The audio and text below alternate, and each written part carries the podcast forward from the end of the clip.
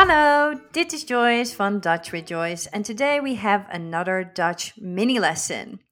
In the previous lesson, we talked about what we like and what we love, and we're putting this into practice by practicing some of the sports in Dutch. Lucky you, because lots of the sports in Dutch actually are very similar, if not even sounding the same as English. So, when thinking of a sport, try and say it in your best Dutch pronunciation as possible, and maybe you are lucky. so, we see this with sports, with all the ball sports actually. Pretty much they are all similar. Football or soccer actually just has one word, and that is voetbal. A bit softer, but still very similar. Football or soccer is voetbal, our most popular sport. Hockey is hockey. Tennis is tennis. Basketball is basketball. So you do hear a subtle difference if you are listening, but it is still pretty similar. Now, some sports that are a tiny bit different is swimming. That would be zwemmen. Zwemmen. And for example, biking, hopefully you remember that from last time, that is fietsen. Fietsen if you are um, riding your bike as a Tour de France person, then you can say wielrennen. So you're running with wheels. Wielrennen. If you are a runner, now we have running, which is rennen, but rennen is most of the time used not as a form of commute, but more or less a way that we need to run for something. Not running in the sense of, hey, this is my hobby. Running as a hobby is called hardlopen. Hardlopen. So you're walking hard rather than running.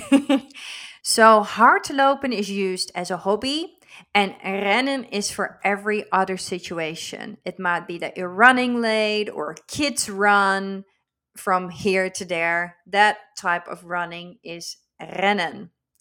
So now that we know a couple of different sports, let's use our like and houden van and leuk vinden sentences to talk about sports a little bit if you want to know what kind of sport someone does, we want to ask, What sport do you do? In Dutch, that would be, Wat voor sport doe jij? Or, Welke sport doe jij? Which, between brackets, type of sport you do? Dus, wat voor sport doe jij? En Welke sport doe jij? And you can then answer, I do insert sport. Ik doe voetbal, ik doe basketballen. But often you will also hear aan. You do it on almost.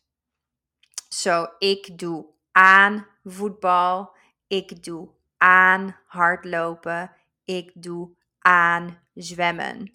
There are some sports that you can leave the aan out of your sentence, but I recommend leaving it in so that you can't make the mistake of using any other type of sport. So, ik doe aan zwemmen, ik doe aan wielrennen, ik doe aan tennis.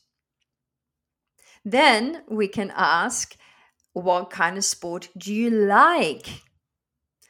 That would be welke sport vind jij leuk? Welke sport vind jij leuk? Then you can say ik vind dansen leuk. Again, we have our person, our verb vind, insert what we like and then finish off with leuk. Ik vind dansen leuk. Ik vind Pilates leuk. Ik vind voetbal leuk. En voor de actual Dutchies, ik vind schaatsen leuk. Schaatsen is ice skating. Ik vind schaatsen leuk. Lastly, maybe you remembered how to say what we love doing.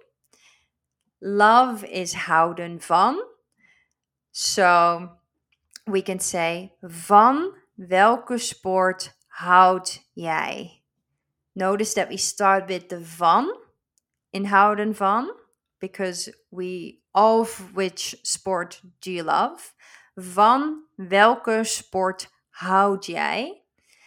At the same time, this is probably not a question that you hear Dutchies ask often. We like sports, love is a bit of an overstatement, but you can still ask it if they really, really, really love a certain sport or love to watch a certain sport. Like Aussies love to watch footy. So, van welke sport houd jij?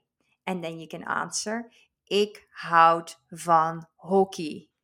Or ik houd van tennis. Now you have different questions and answers and sports to talk a little bit about what you like doing in the form of exercise and sports. We love to hear what sport you like. Welke sport vind jij leuk?